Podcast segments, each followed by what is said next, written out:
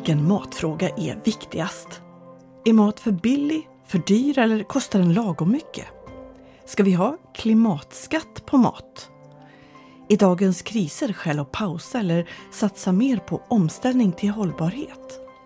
Och hur hjälper politiken bäst människor att äta hälsosamt och hållbart? Mitt i valspurten har SLU Future Food frågat och fått svar på vår enkät från alla åtta riksdagspartierna. I det här avsnittet av Feeding Your Mind följer vi upp svaren med politikerna och så hör du också forskarnas svar på frågorna. Utan partifärg men grundat på vetenskapliga resonemang. Välkommen!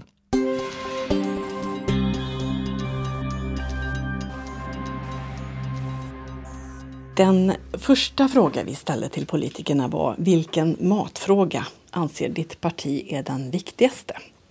Och vi kommer till politikerna strax, men börjar hos Helena Hansson, professor i nationalekonomi på SRU. Hej! Hej! Sett ur ditt forskarperspektiv då helt kort här först. Vilken matfråga ser du som viktigast nu? Mm. Jag tänker att det handlar om att eh, skapa förutsättningar för omställning till ett hållbart livsmedelssystem. Så det är inte en specifik fråga egentligen utan det är omställningen i sin helhet och att hela systemet behöver ställas om som jag tycker är den viktiga. Och det tänker jag behöver ske både med privata initiativ men också med styrmedel som ställer om och hjälper marknaden att pusha sig mot ett, ett mer hållbart livsmedelssystem.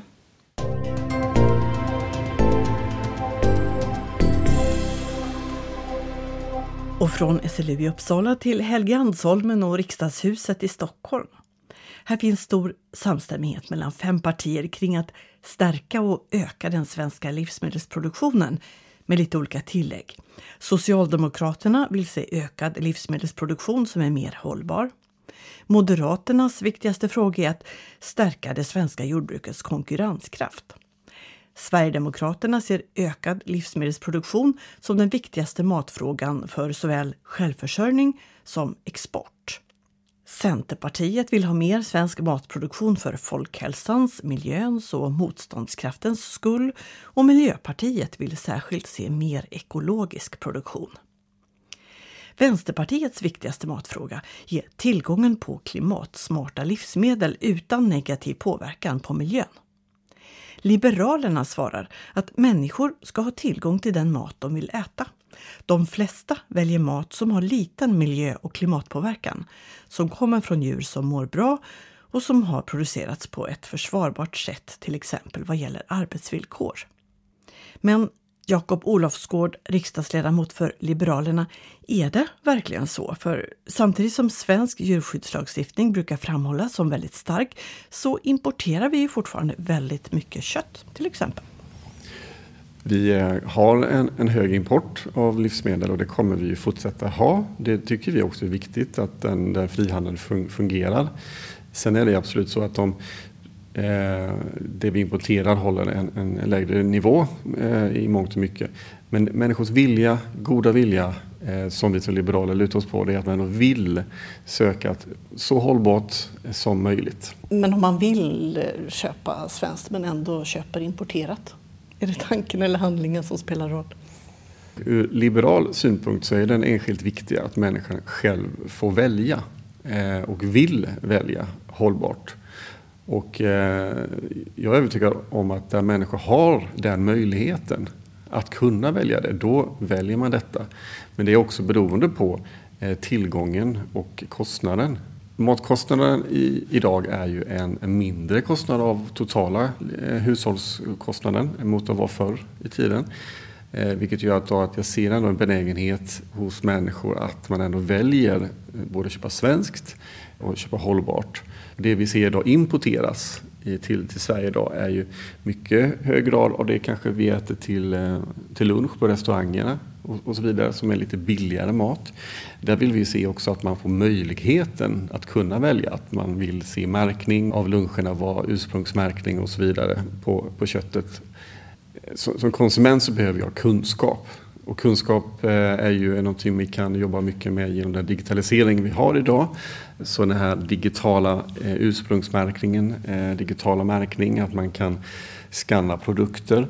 Men framförallt kravet på att fler och fler restauranger ska kunna visa upp på menyn varifrån det här kommer. Det är sådana åtgärder som vi har ställt oss positiva här i riksdagen att eh, driva igenom. Marknaden styrs ju idag mycket av konsumenten. Konsumentmakten är väldigt viktig och därför vill vi stärka konsumenten. Eh, och då blir det ju att marknaden får ju så snällt följa efter. Sa Liberalernas Jakob Olofsgård som menar att konsumenterna styr marknaden, inte tvärtom. Kristdemokraternas viktigaste matfråga är det stora svinnet inom livsmedelskedjan, där omkring en tredjedel av det som produceras slängs. Magnus Oskarsson, Kristdemokraterna, varför är matsvinnet den allra viktigaste frågan för er? Vi behöver mer mat för mer människor. Men det är klart att när vi slänger så mycket så är det otroligt allvarligt att det är på det sättet. Vi i Sverige har det väldigt bra. Men runt om i vår värld så, så är det maten som fattas. Så att vi måste, vi måste tänka till här och att, att en tredjedel av all, all mat eh, slängs, det är förfärligt. Här skulle vi behöva vara mycket mer skärpta eh, menar jag. Och, och jag är, vi är beredda tycker jag ändå också lagstifta om det behövs. Lagstiftning säger du, men hur då? Ja, det vet jag inte exakt, men, men, men eh, alltså, man får utreda helt enkelt vad man, vad man skulle kunna göra. Med tanke på hur det ser ut i vår värld så måste vi se till att vi faktiskt är mer måna om att, att mat produceras inte slängs. Sa Magnus Oskarsson från Kristdemokraterna som funderar på kanske lagstiftning för matbutiker att verkligen plocka fram och försöka få sålt mat som annars blir svinn.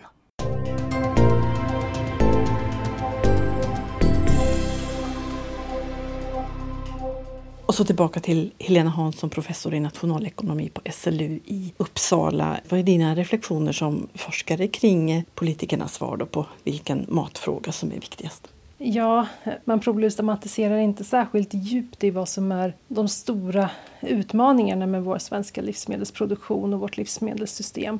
Jag hade jättegärna sett att man hade pratat mer om ett systemperspektiv och att systemet är så, som sådant behöver förändras mot produktion och konsumtion av livsmedel som är mer hållbara. Man gör vissa förenklingar genom att prata om att äh, äter vi svenskt så är det per automatik mer hållbart, men riktigt så enkelt är det inte. Varför inte det? Vi behöver till exempel röra oss mot äh, konsumtion av livsmedel som är mer vegetabiliska eller en, en mer vegetabilisk kosthållning. Och det innebär ju också att produktionen kan behöva följa efter och ställa om mot mer vegetabilier. Det vet vi från forskningen. Så jag tycker att eh, svaren på det stora hela taget känns lite för ytliga. Och känner du att det reflekterar politikens kunskapsnivå eller? Svårt att säga, men det skulle ju kunna vara så faktiskt. Vad är i så fall forskningens bästa bidrag och sätt att sprida den kunskap som finns inom akademin då, så att den kommer till nytta och blir politik? Mm. Jag tror att vi forskare måste bli mycket mer aktiva i debatterna och bidra på ett mer populärt sätt med vår kunskap och beskriva den på ett sätt som blir mer tillgänglig. Vara mer närvarande i debatten, lära oss att uttrycka komplicerade saker på ett enkelt sätt. Tänker du att det mest är politikerna som borde närma sig och söka kunskap hos forskarna eller borde det vara forskarna som knackar på hos politikerna? Det är nog både och. Eh, men jag skulle gärna se att politikerna vänder sig mer till oss och söker kunskap om de här stora komplexa sambanden i till exempel livsmedelssystemet.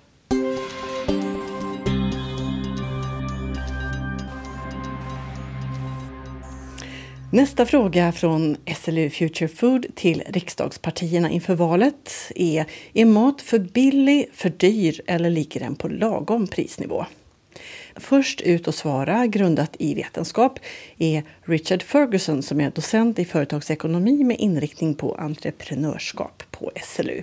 Hej! Hej! Vad säger du då som forskare som svar på den här frågan? Ja, som en typisk eh, forskare, jag ska inte ge en enkel svar och jag säger det beror på helt och hållet för vem. Konsumenten, producenterna, lantbrukare, de alla har väldigt olika position i, i vårt livsmedelssystem och eh, har olika syn på om de tycker är priset för högt, för lågt eller lagom. Ett annat svar på frågan är jag tycker inte vi borde titta på priset men istället titta på värdet som vi får för den pris vi betalar. Billig mat är ofta kopplat med en icke hållbar produktion. Och vi måste börja fundera på vad är hållbar produktion och hur, hur får vi det värde i mat som vi äter. Och sen måste vi vara beredda att betala för vad det kostar.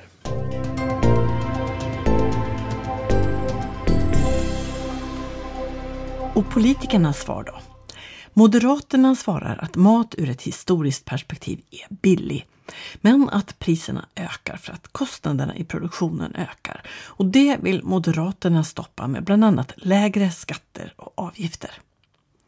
Socialdemokraterna svarade, men egentligen inte så mycket på frågan utan med ett svar som handlar om bostadsbidrag, garantipensioner och stödpaket till jordbruket. Så Malin Larsson, talesperson för Socialdemokraterna, tycker ni att mat kostar lagom, för lite eller för mycket? Ja, det beror ju kanske på vilken man frågar också av alla våra medborgare och även bönderna skulle jag vilja säga. Eh, och vi ser ju idag att, att bönderna måste få betalt och svensk mat måste få kosta också. Eh, för det är viktigt också att vi har och öka vår svenska produktion. Eh, men samtidigt så drabbar ju prisökningarna vi ser nu väldigt många människor och det är också därför vi har svarat som vi gör för att det gäller ju att se till helheten här. Eh, alla människor ska ha råd att köpa bra mat såklart. Sen ser vi också att, att vi idag, nu har vi prisökningar men samtidigt så lägger vi ju mindre del av vår disponibla inkomst än vad vi har gjort tidigare på mat. Så det är klart att det finns kanske utrymme för många av oss också Eh, med de här prisökningarna. Och som jag sa, svensk mat måste också få kosta. Vi har väldigt bra mat med högt djurskydd, låg antibiotikaanvändning och så vidare. Eh, sedan matsvinnsfrågan kan man också koppla ihop med det här. För vi har alldeles för mycket matsvinn idag så att vi kanske får tänka oss för i andra änden också. Men kan man säga så här att Socialdemokraternas väg till att alla ska ha råd att köpa bra mat är sånt som subventioner, höjda pensioner och, och bidrag snarare än vad det står på prislappen? Ja, det är väl både och skulle jag vilja säga. Sa Malin Larsson från Socialdemokraterna. Vidare bland de skriftliga svaren. Miljöpartiet konstaterar att billig mat kan vara dyrköpt för att samhällsekonomiska kostnader som miljökostnader inte syns i priset. Så dyrare mat som ekomat är bättre i det avseendet. Men med inflation och ekonomisk kris blir det svårt för många att handla mat och det är skäl att sänka matmomsen och minska matsvinnet, menar Miljöpartiet. Centerpartiet svarar att det är viktigt med alternativ för alla plånböcker och att förhoppningsvis tycker konsumenterna det är värt att betala lite mer för närproducerad mat med inhemska råvaror, låg antibiotikaanvändning och högt djurskydd, menar Centern. Från detta parti, Daniel Bäckström, förhoppningsvis vill konsumenterna betala mer för närproducerat, säger ni. Men vad vill ni göra politiskt för att nå dit? Ja, med tanke på det allvarliga säkerhetsläget vi befinner oss i och Eh, också då utmaningar på prisökningar och också då kostnadspress på svenskt jordbruk så har ju vi medverkat till att få till både stödpaket för det svenska jordbruket det här året och vi behöver göra ytterligare. Och det handlar i grunden om att det ska kunna produceras så mycket mat som möjligt här hemma i Sverige, också för att det ska finnas ett stabilt utbud. Mm, så stödpaket till jordbruket är en del där. Det är viktigt med alternativ för alla plånböcker säger ni också. Men hur viktigt är det att det finns billig mat jämfört med miljö och klimatavtrycket av maten som produceras?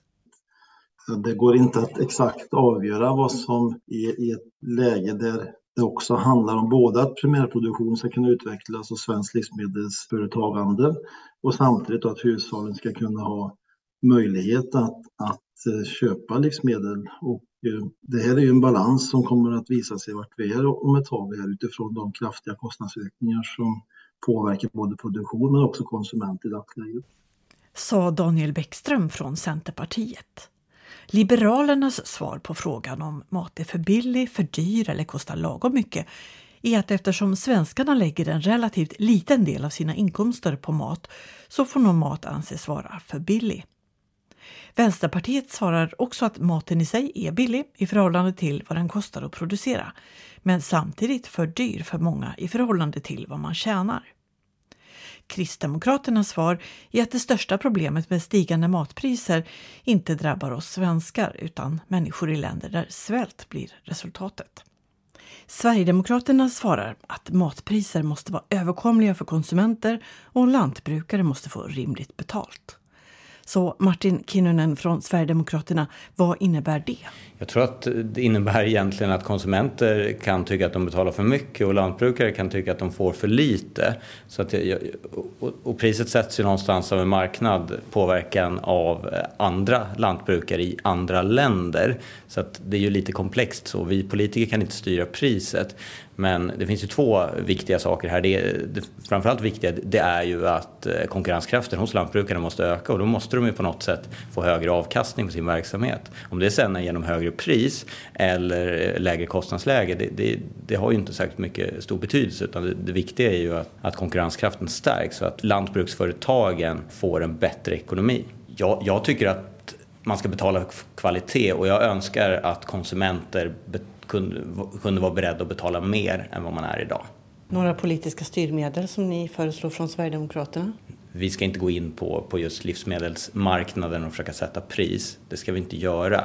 Men styrmedel kan exempelvis vara att mindre företag som mindre lantbruksföretag får lägre skattepålagor. Det kan också vara så att eh, energikostnaderna för företagen minskar och det gör ju att marginalen blir högre oavsett vilket pris som sätts ut i butik.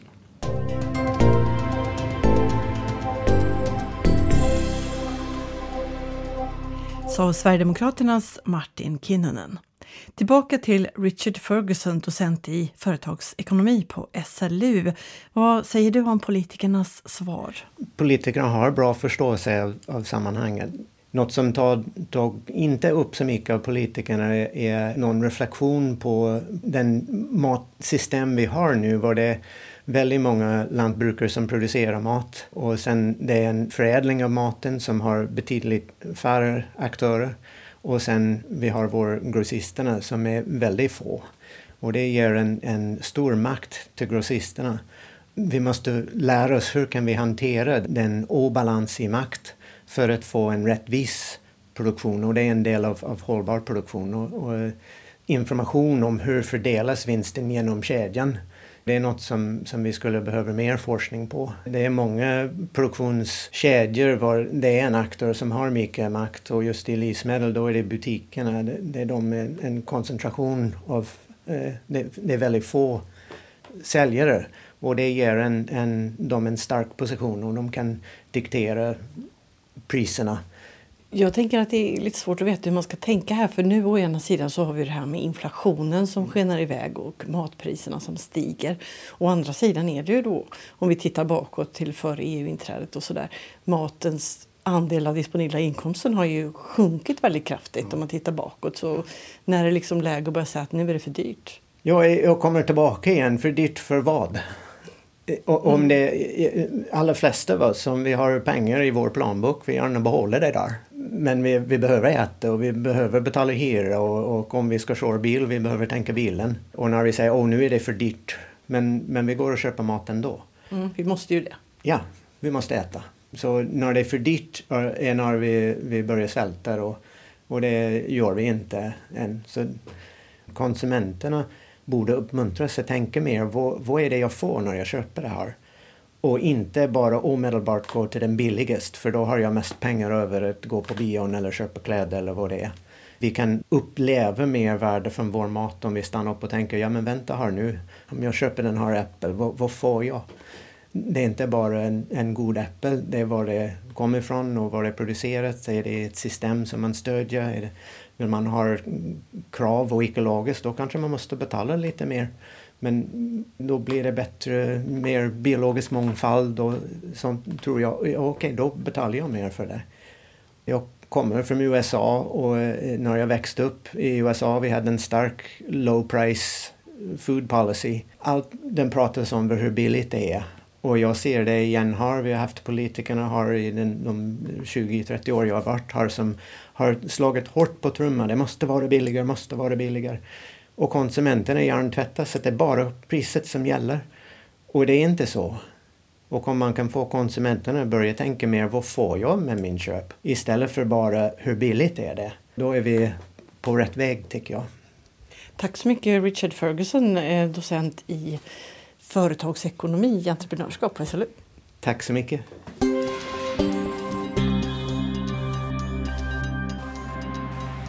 Du lyssnar på en podd från SLU Future Food.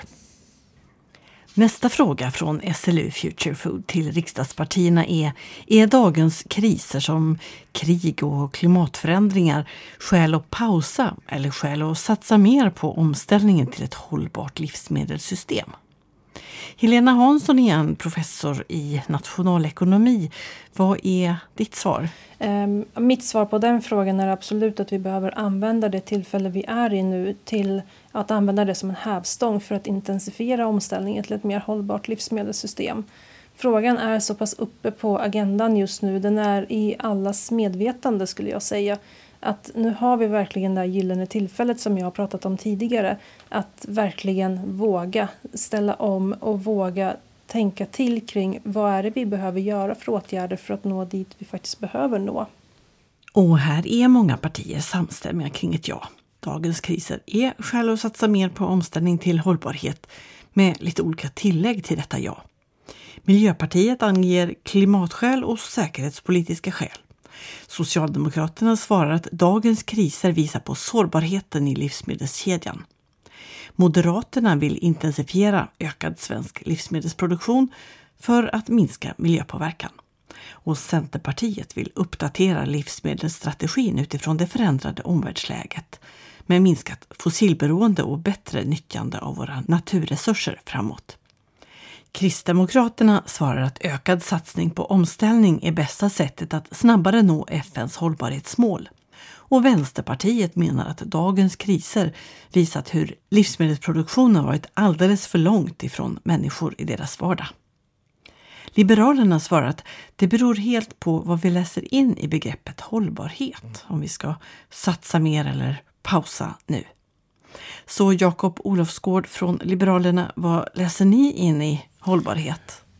I dagens i, i världsmarknadsläge så blir hållbarhet att människor ska ha mat på bordet. Den sociala hållbarheten. Men samtidigt så behöver vi inte utesluta den, eh, den påverkan som livsmedel har på vår miljö och vårt klimat. För det har en oerhört stor påverkan hur vi producerar detta. Och utmaningen är ju då att kombinera de här två sakerna i olika tider beroende på, för vi har en brist i världen idag på spannmål beroende på kriget och då behöver vi ställa oss frågor var bör EUs spannmål gå till här? Bör det gå till eh, att eh, föda upp mer kött eller att eh, förse människor som svälter i delar av världen? Vad är hållbart? Eh, ställer vi oss frågan. Och där blir det väldigt viktigt att först och främst just nu i tider av kris och krig så behöver vi se till det här globala, att det hänger ihop. Och vi vill inte vara protektionistiska, att vi stänger oss som land därför att vi är en del av EU och en världsmarknad och vi är och kommer alltid vara beroende av livsmedelsimporten. Ni svarar också att det bästa verktyget för att hantera störningar i matproduktionen är den globala handeln där logistikkedjorna är fenomenala på att säkra matförsörjningen. Men har inte covid-19-pandemin visat på en stor sårbarhet just här? Jo, men det stämmer och därför arbetar vi Liberalerna för att säkerställa Sveriges eh, handel, eh, först och främst med EU. Att vi ser att den, den livsmedelshandeln är viktig och att vi inte det sätts upp vilket det, det började att göra i pandemin också inom EU, att man slöt sig och blev just protektionistiska. Liberalerna har tryckt på regeringen att eh, den stora vikten av att kunna upprätthålla handeln, det systemet som världshandeln har när det är en kris eller svält eller katastrof i en del av världen så kan någon, en, annan, en andra del av vår värld hjälpa till. Sa Liberalernas Jakob Olofsgård. Sverigedemokraterna svarar att att värna och gynna svensk livsmedelsproduktion har alltid varit av stor vikt och kriser som covid-19-pandemin och kriget i Ukraina har påvisat behovet ytterligare. Livsmedelspriserna måste ner och det kan man nå med kraftigt reducerad reduktionsplikt, alltså inblandningen av biobränsle i fossilbränsle. Men hur rimmar kraftigt reducerad reduktionsplikt med hållbarhet? Sverigedemokraternas Martin Kinnunen. Jag tycker att det rimmar ganska bra för kan vi producera mer mat i Sverige och använda våra fantastiska, vår fantastiska åkermark som vi har i Skåne och Östergötland och på fler ställen i landet då kan vi framställa mer svensk mat. Mer svensk mat betyder lägre utsläpp i världen så att jag är faktiskt övertygad om att eh, lägre pris på diesel skulle i ett globalt perspektiv definitivt minska utsläppen. Däremot så producerar vi mer mat i Sverige då får vi räkna med att eh, Eh, utsläppen från det svenska lantbruket kan komma att öka. Men det är inget problem om det samtidigt får som effekt på global nivå att utsläppen minskar. Så Sverigedemokraternas svar blir egentligen då för Sverige att det är skäl att pausa omställningen? Det viktigaste inom lantbruket och, och livsmedelspolitiken är att öka eh, den svenska matproduktionen. Det är överordnat allting annat. Ja, inte man kanske inte ska överdriva, men det är överordnat eh, exempelvis eh, förnybara drivmedel. Definitivt det viktigaste som vi ser det, är att arbeta för mer svensk livsmedelsproduktion och det kommer få positiva effekter för klimatet, för klimatet är en global fråga. När menar Sverigedemokraterna att Sverige ska satsa mer på hållbarhet, öka den takten då, om, om det inte är nu? Jag ser inte att vi behöver satsa mer på detta just nu utan vi satsar väldigt mycket på miljö och klimatpolitiken som det är. Eh, det viktigaste just nu, fokuset för vårt parti, det är att stärka eh, det svenska lantbrukets konkurrenskraft så att företagen ska ha råd när det blir dåliga år. Och nu har man en enorm utmaning med de här gödselpriserna som råder och många har tömt sina lager och nu ska man bestämma om man ska handla upp mer och man har en osäkerhet om det ens finns på marknaden. Så jag tycker att vi måste ha, ha förståelse för den extrema situation som råder och då kan vi inte utlova högre energipriser och sånt i det här läget, absolut inte. Vi politiker kan inte tvinga, tvinga fram teknik som inte finns idag. Det är så att eh, det svenska lantbruket är oerhört beroende av diesel och så är det. Det är en verklighet och jag, jag kan inte ändra den. Men jag, som politiker kan vi definitivt eh, införa olika former av styrmedel och skattepålagor så att vi gör lantbruket olönsamt. Och det är ju det som svensk politik har hållit på med de senaste, det senaste decenniet och det, det måste upphöra. Nu måste vi stärka konkurrenskraften.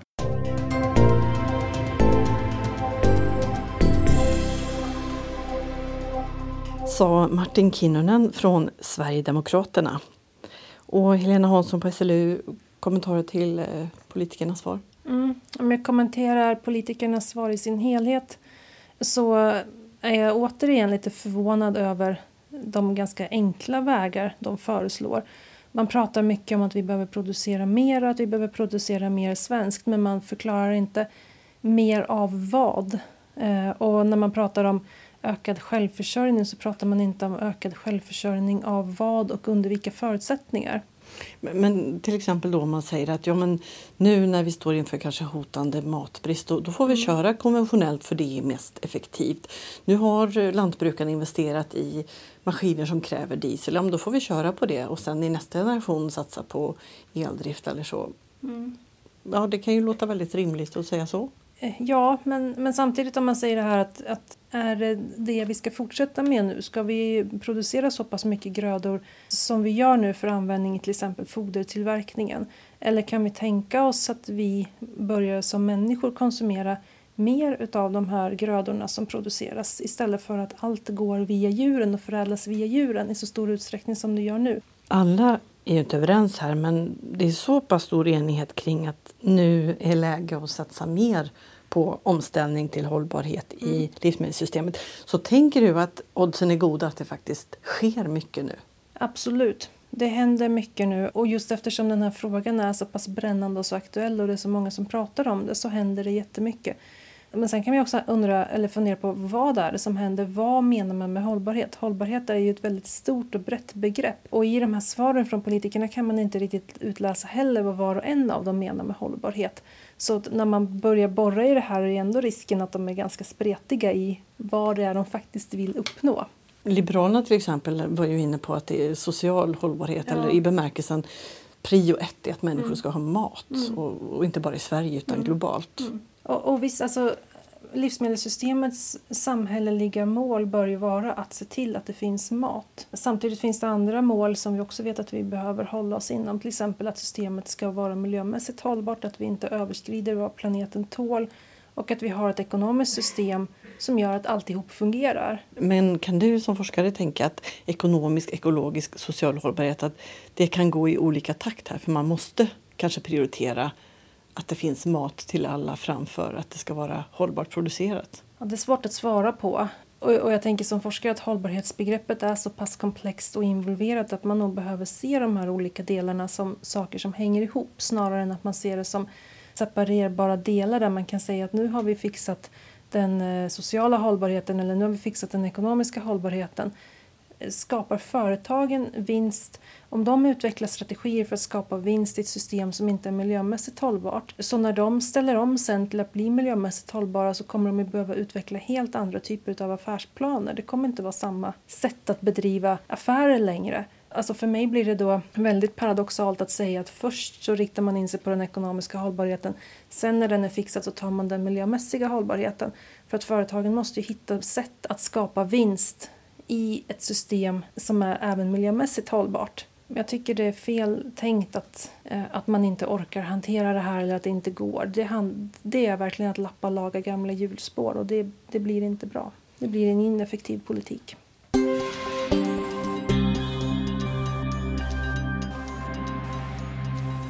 Så till en kort, rak och spännande fråga.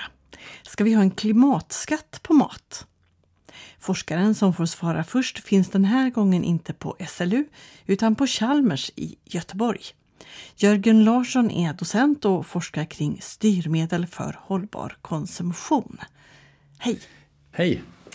Du har samarbetat en del med SLU kring sådana här frågor, eller hur? Ja, absolut, med Elin Rös och Sara Sell. Vi gjorde en, eh, en översikt över möjliga politiska styrmedel för just att påverka matkonsumtionen tillsammans för ett par år sedan.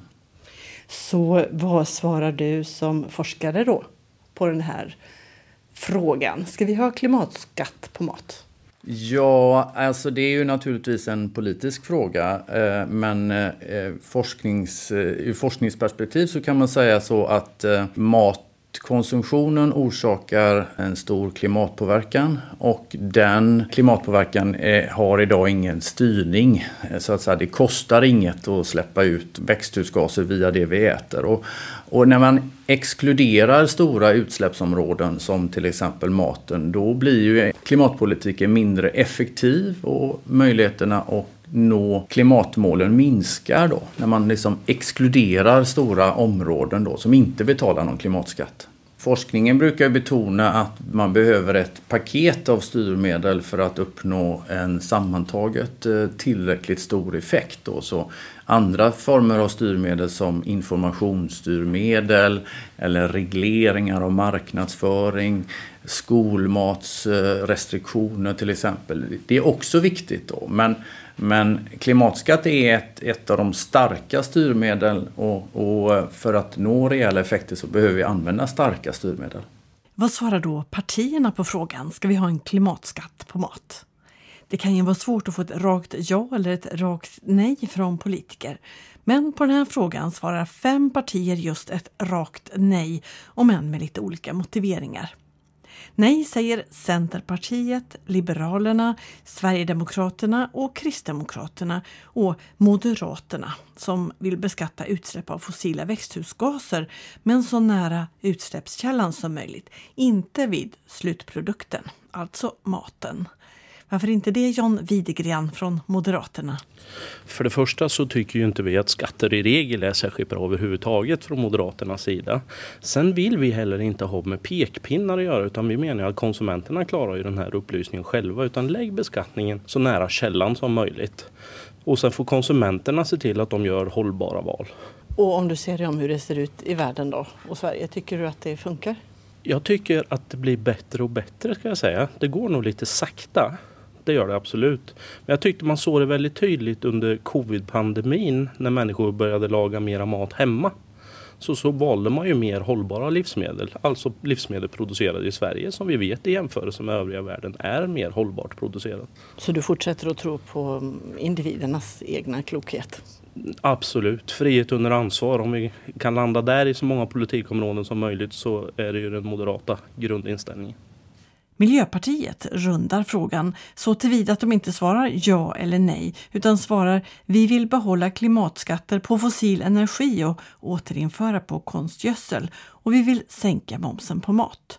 Så Maria Gardfjell från Miljöpartiet, kan du här och nu säga ett rakt ja eller nej på frågan ska vi ha en klimatskatt på mat? Ja, alltså det kanske inte är speciell skatt på livsmedel eller en differentiering av momsen eller sådana typer av förslag som vi har. Vi har ju ett förslag på sänkt matmoms för att eh, också svara upp mot den kris som vi står, nu står inför. Matpriserna blir ju dyrare och, och, det är faktiskt ett jätteproblem för den svenska maten att eh, det blir ett lågprisrace. För att motverka det så föreslår vi faktiskt en sänkt, generell sänkt matmoms. Så att eh, svenska folket kan fortsätta köpa svensk mat och ekologisk mat trots att eh, inflationen stiger och priserna stiger. Men generellt sänkt matmoms säger du.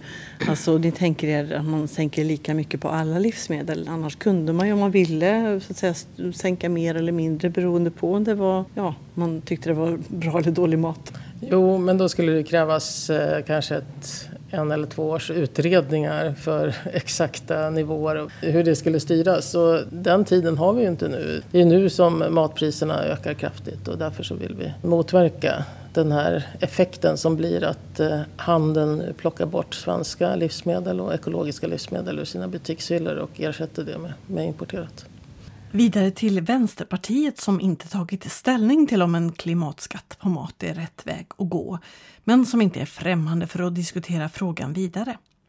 Elin Segerlind, Vänsterpartiet, vilka är då de bästa argumenten för och emot klimatskatt på mat? Eh, ja, ja det, och det är faktiskt precis exakt sant att vi har inte tagit ställning till det här. Eh, den frågan som har diskuterats inom oss mycket är ju skatt just specifikt på kött liksom, för, att, eh, för att man ser eh, då å ena sidan att ett högre pris på kött kanske skulle minska intresset. Liksom. Det är ju tanken med, med en, en skatt. Liksom.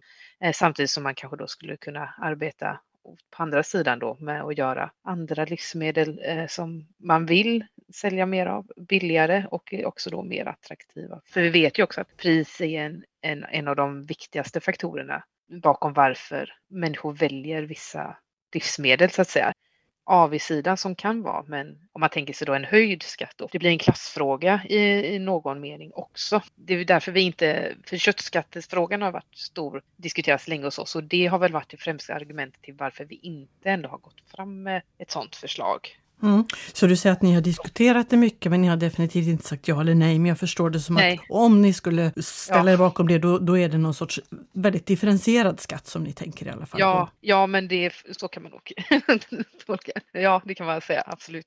Och Socialdemokraterna slutligen svarar att det kommer att krävas olika styrmedel där klimatskatt på mat kan vara en del. Så Malin Larsson från Socialdemokraterna, ni stänger inte dörren helt för klimatskatter på mat. Vad talar mest för en sån skatt, tycker Socialdemokraterna? Ja, men skatter är ju väldigt komplext. Hela vårt skattesystem är väldigt komplext och det är svåra frågor och mycket olika delar att ta hänsyn till om man ska göra sådana här förändringar. Det är ju en internationell marknad och det gäller ju att ta hänsyn till konkurrenskraft och så vidare. Men det är ett viktigt styrmedel som vi har i politiken och det gäller också att ha med sig vad vi har skatter till. Det är ju för att finansiera vårt välfärdssystem också. Och ska man införa nya skatter eller förändra så gäller det också att man inte gör det för krångligt och att det faktiskt får den effekt som vi vill att det ska ha. Eh, men jag står lite kvar med frågan här. Eh, om du kunde sammanfatta kort vad ni socialdemokrater tycker talar mest för en klimatskatt? Om det går att få ett hyfsat rakt och kort svar på det. Nej men det skulle jag vilja säga att i så fall är det ju för, för att vi ska kunna eh, stärka eh, folkhälsan men också styra mot en minskad miljöpåverkan.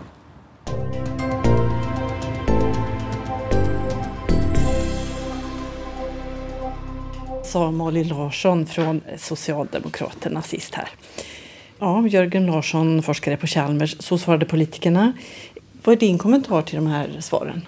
men när jag läser vad de svarar här så finns det ju både högt och lågt. Det finns ju direkta felaktigheter som Kristdemokraterna som säger att skatt redan utgår vid produktionen så är det ju inte metan och lustgas eh, beskattas ju inte eh, och det är en stor del av, av eh, klimatpåverkan från mat och jordbruk. Och sen finns det tveksamheter som till exempel en del befarar att svensk jordbruksproduktion skulle missgynnas i förhållande till importerad mat. Och rätt utformad så skulle det inte alls behöva bli så utan tvärtom.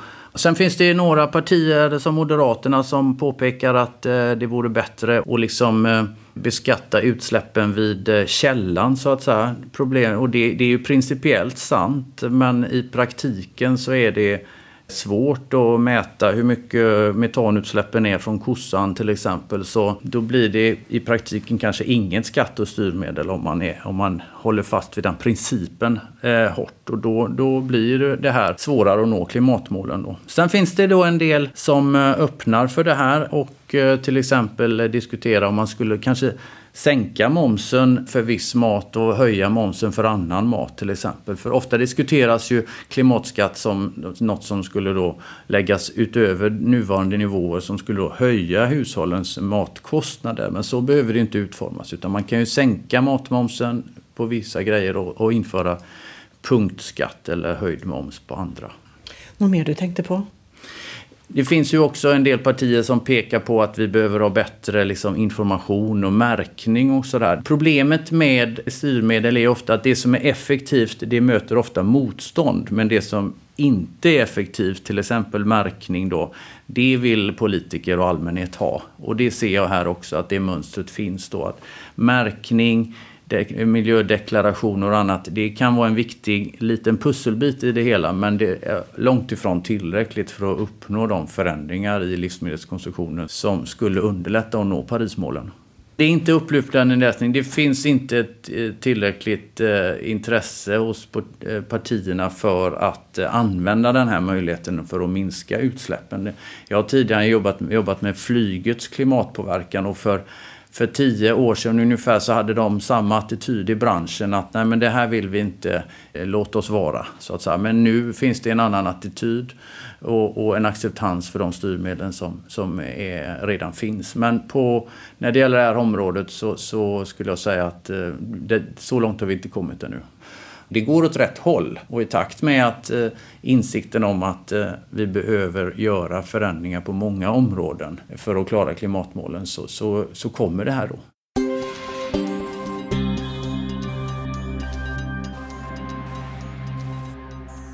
Vi har en matfråga kvar som vi har ställt till alla riksdagspartierna inför valet den 11 september 2022. Och det är hur kan politiska beslut bäst underlätta för människor att äta hälsosamt och hållbart? SLU-forskaren som först får frågan är Fredrik Fernqvist som bland annat då forskar och undervisar i konsumentbeteende och hållbara livsmedelssystem. Hej Fredrik! Hej hej! Ditt svar på det här, hur politiska beslut bäst underlättar för människor att äta hälsosamt och hållbart. Ett kort koncist svar först, vad, vad säger du? Ja, man kan väl säga att det finns egentligen inget kort och koncist svar. Eh, för att politiken kan ju bestämma på många olika sätt. Men eh, ska man se till vad vi äter någonstans så är det ganska mycket som vi äter i offentliga verksamheter och där kan man ju ganska direkt och omedelbart ta beslut om att eh, de måltiderna ska vara mer hälsosamma och mer hållbara. Och då är det en fråga om upphandling och tillagning och så vidare. Sen när det gäller den mer privata sfären, då är det lite mer komplicerat. Det är ganska lätt att man faller till lösningar som handlar om skatt, skatter eller subventioner eller förbud eller andra sätt. Och då är det inte riktigt eh, lika enkelt därför att eh, för mycket förbud och för mycket skatter kan ju få väljarna på dåligt humör och välja något annat istället för att i själva verket är inte människan så benägen att förändra sina matvanor. Kristdemokraterna är tveksamma till om politiken ska in för mycket i människors egna val. Självklart ska välinformerade val som socker innehåller endast kalorier och ökar risken för karies kunna göras, menar Kristdemokraterna. Men eh, Magnus Oscarsson, i ett Sverige där över halva befolkningen är överviktig eller fet, Hur tycker du att sån här information fungerar hittills? om att socker inte är bra för oss till exempel. Mm. Men, men alltså, precis, alltså kunskap. Det är viktigt. Det är ju det som ändå tror jag är, är, är svaret på den här frågan. Är ändå, ändå att man, man som konsument vet vad det innebär eh, om jag köper det eller det och det. Eh. Men förlåt om jag avbryter, men tror du inte att i stort sett alla vet att chips och läsk är inte bra för mig? Folk kanske vet, men, men kanske inte tar det riktigt på allvar. Eh, det är möjligt att det är på det sättet. Eh, och, och då menar jag på att då får man fortsätta och kanske ha lite mera, eh, lite mera, eh, det står nog inte på någon, någon chipspåse eller vad det är, att det är något, eh, vad det kan inbringa, så att säga, vad det kan bli av det. Eller om man då pratar om, om läsk, att det är mycket sött i. Det, det, kan man ju tycka om. Det, information på, på grejerna tycker jag är viktigt. Liberalerna är inne på samma spår och svarar att politiska beslut ska inte påverka vad människor väljer att äta. Sverigedemokraterna ser det som viktigt med stor frihet där politiken mest får arbeta med information och uppmuntran och med att motverka livsmedelsfusk. Socialdemokraterna är också inne på att politikens bästa sätt att underlätta kring hälsosam och hållbar mat är att vi får kunskap via lättillgänglig information som märkning. Men påpekar också möjligheten till politiska styrmedel via upphandling i kommuner och regioner. Centerpartiet vill fortsätta med sånt som nyckelhålsmärkning men också införa en producentavgift för socker.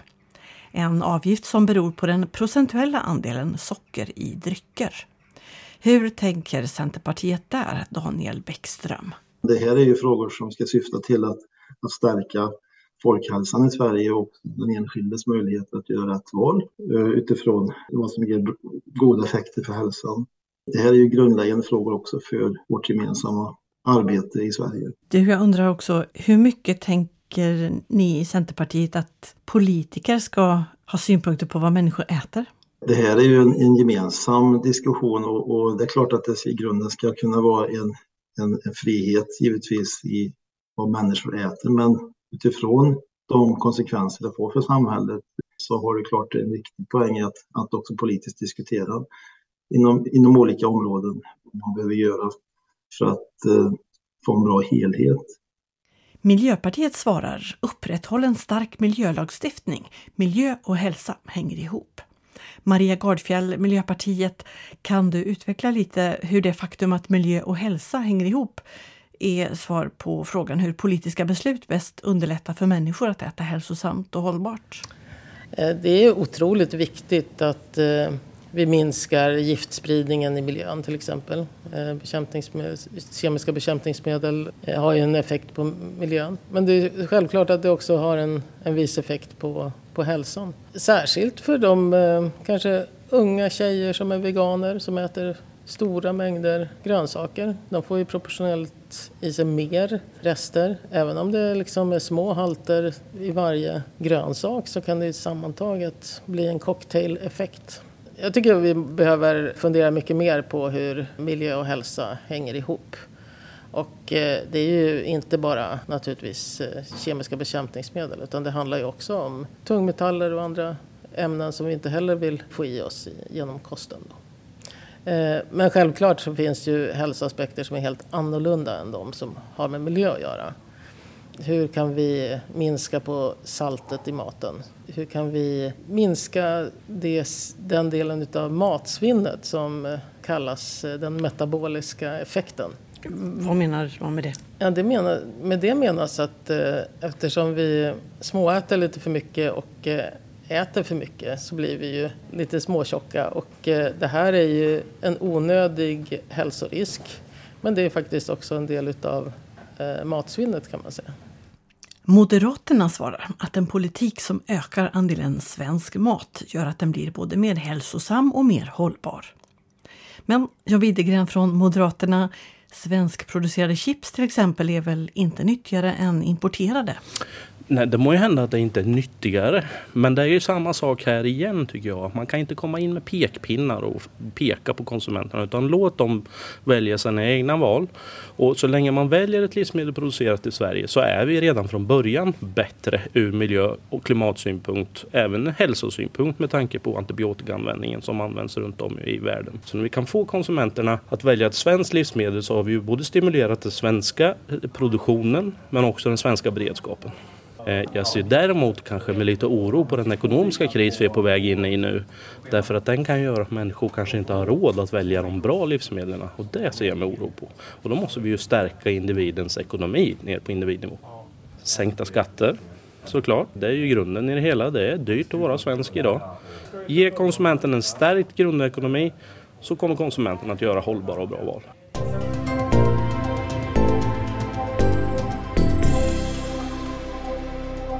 Sa John Widegren från Moderaterna. Vänsterpartiet vill ha mer rättvis fördelning av gemensamma tillgångar med stöd och subventioner åt mat som är bra för både hälsa och hållbarhet samtidigt som vi slutar ge stöd och subventioner åt mat som inte bidrar till de målen. Så Elin Segerlind, Vänsterpartiet, vilken mat skulle subventioneras då? Alltså, ja, det är ju inte som att vi har gjort, vilket jag inte tror att någon har gjort, någon form av lista eh, så, över saker. Det är väl mer att eh, vi har ju dels det här med minskad köttkonsumtion, men vi har ju också ö, tankar om att vi vill stödja en ökad vegetabilisk produktion. Alltså, så att det, vi, och det är ju för att vi ser att det är, är bra mat ur ett hållbarhetsperspektiv så att säga. Så för oss handlar det ju om, om bägge de två sakerna. Och Sen är det ju också mycket om att påverka EU på ett sådant sätt att vi får en annan typ av livsmedelsproduktion i hela unionen men också att vi kan arbeta tillsammans med just de här frågorna om, om vad som importeras. Där har vi ju inte egen rådighet men det går ju att tänka sig att det är saker som går att påverka i alla fall. Hur ser ni på Vänsterpartiet då på själva grundfrågan? Hur mycket ska polit politiker och politiken eh, in och påverka vad människor äter? Det här tycker jag är en jättesvår fråga egentligen. För att på ett sätt så klart att vi står inför en jättekris och en jätteutmaning. Det, det är ju det är så lätt att liksom, tänker jag, fastna i den enkla lösningen att bara om vi förbjuder liksom allt som vi kommer överens om är, är dåligt. Eh, men eh, så funkar ju inte samhället som vi är i idag utan för oss är det ju viktigt att politiken tar ansvaret, alltså för att också möjliggöra för människorna att göra bra val, ge människor e, framförallt ekonomiska förutsättningar att kunna ha råd och, och köpa bra mat. Alltså, så om det inte är matpriserna vi ska sänka, då är det ju människors inkomster vi behöver öka för att skapa en balans mellan de här två sakerna.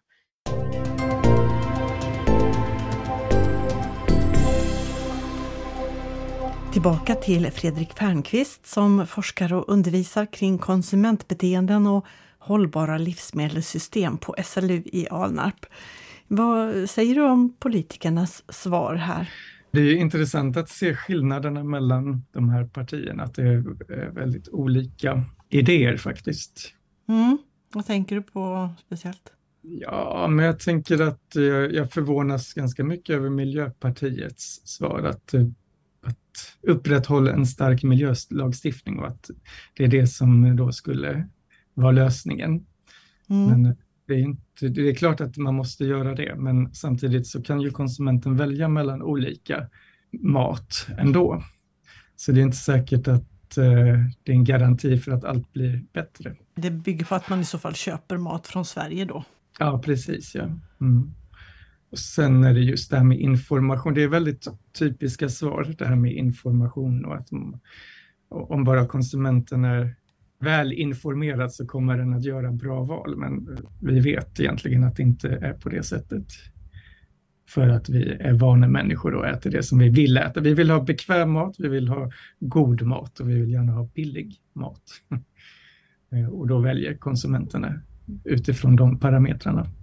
Sen finns det klart vissa grupper som är medvetna, men stora grupper är ju inte medvetna och de allra flesta konsumenter kanske ändå handlar utifrån pris.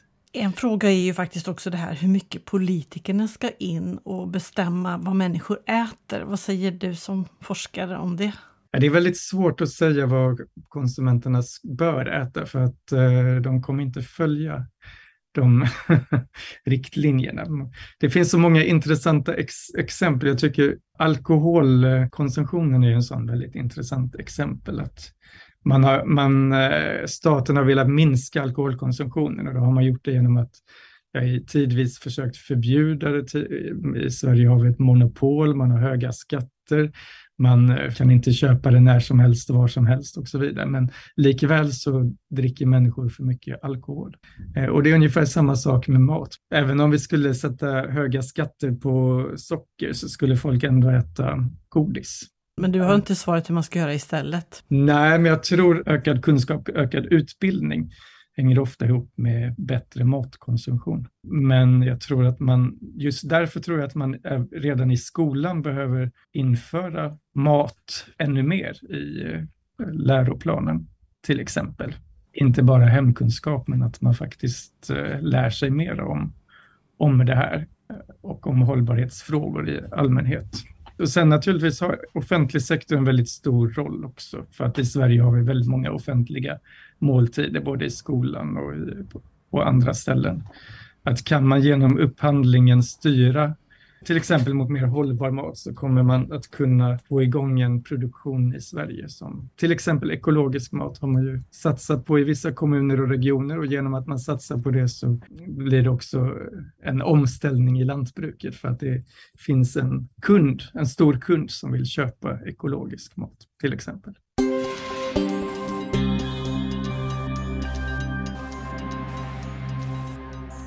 Det var politiker och forskarsvaren på SLU Future Foods fem frågor om mat. Men avslutningsvis har vi ytterligare en fråga till forskarna. Om du själv väljer den fråga du helst vill ha svar på från politikerna om framtidens mat, vad skulle du fråga då? Först Fredrik Fernqvist igen. Ja, men en är väl hur... Om man då tänker på det, det nämns ju bland annat det här med svensk livsmedel och lo lokalproducerat och liknande. Och det är ju en, alltså med tanke på all den osäkerhet som vi ändå har märkt av på senare tid med olika kriser, konflikter eller covid eller eh, klimatförändringar och allt. Det handlar ju om egentligen vår livsmedelssäkerhet. Hur långt vågar man gå för att säga att ja, men vi behöver verkligen ha den här livsmedelsproduktionen i landet? Det är en ganska känslig fråga med tanke på EU och det att man, ja, vad får man göra och vad får man inte göra. Men jag tror ändå att med tanke på att kriser kommer plötsligt och utan att vi märker av det så behövs ju någon typ av beredskap. Hur långt vill man gå? Eller är man beredd att gå för att garantera att vi har en stabil livsmedelsförsörjning? Sa forskaren Fredrik Fernqvist på SLU i Alnarp och vidare till Chalmers i Göteborg och Jörgen Larsson. Vilken fråga skulle han vilja ställa? En fråga som jag är väldigt nyfiken på det är det här. Det finns ett motstånd mot att ha politiska beslut för att påverka vår matkonsumtion. Men jag undrar, eh, är det inte mer liksom legitimt att, att ha politiskt demokratiskt fattade beslut kring detta eh, jämfört med så som det är idag där det är företagens produktutveckling och marknadsföringsstrategier som formar hur vi äter. Vi börjar äta nya sorters mejeriprodukter och, och, och annat som är liksom en effekt av liksom marknadsföringen. Och och eh, det, det, är ju som en mindre demokratisk utveckling jämfört med om, om vi har gemensamma demokratiskt fattade beslut som påverkar det. Så, så, men det finns liksom en självklar acceptans för att vi genom marknadsföring påverkar vad vi äter men så fort det blir politiker inblandade så blir det mm, tveksamt, upplever många. Det undrar jag varför. Och från Chalmers Göteborg vidare till SLU i Uppsala och forskaren Helena Hansson.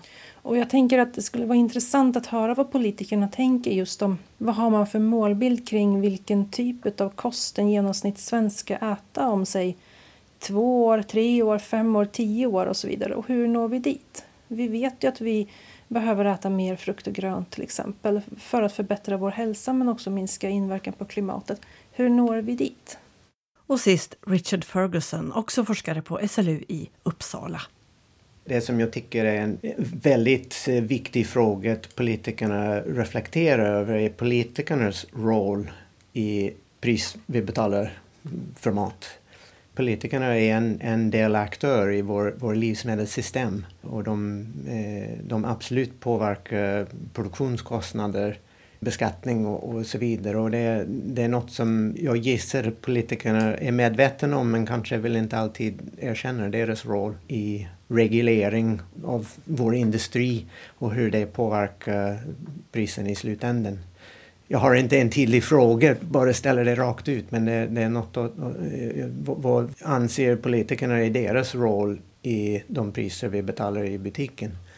Och sen jag, jag gärna skulle diskutera några av de andra frågorna, men det kan vi ta en annan gång. jag tyckte det var intressanta frågor. Tänkte du på någon av dem så du hade något spontant? Ja, något som, som jag tycker vi alla brottas med nu är, är den här frågan, ska vi ta en paus i hållbar utveckling för det börjar svida lite i planboken. Och folk säger nu det är så dyrt, jag har inte råd. Ja, that's the idea. Då ska vi uppnå en, en, en förändring i vårt beteende. Om vi är ovilliga att förändra vårt beteende, då, då har vi en, det blir inte hållbar utveckling. Vi får inte släppa, vi måste sträva efter hållbar utveckling och det ska kräva att vi behöver göra saker och ting annorlunda. Inte att vi kan fortsätta life as usual. Vill du läsa alla riksdagspartiernas hela svar på SLU Future Foods fem frågor så finns de på SLU Future Foods hemsida som också är ett av ställena där du hittar alla Feeding Your Minds poddavsnitt. Jag heter Ylva Karlqvist Warnborg. På återhörande.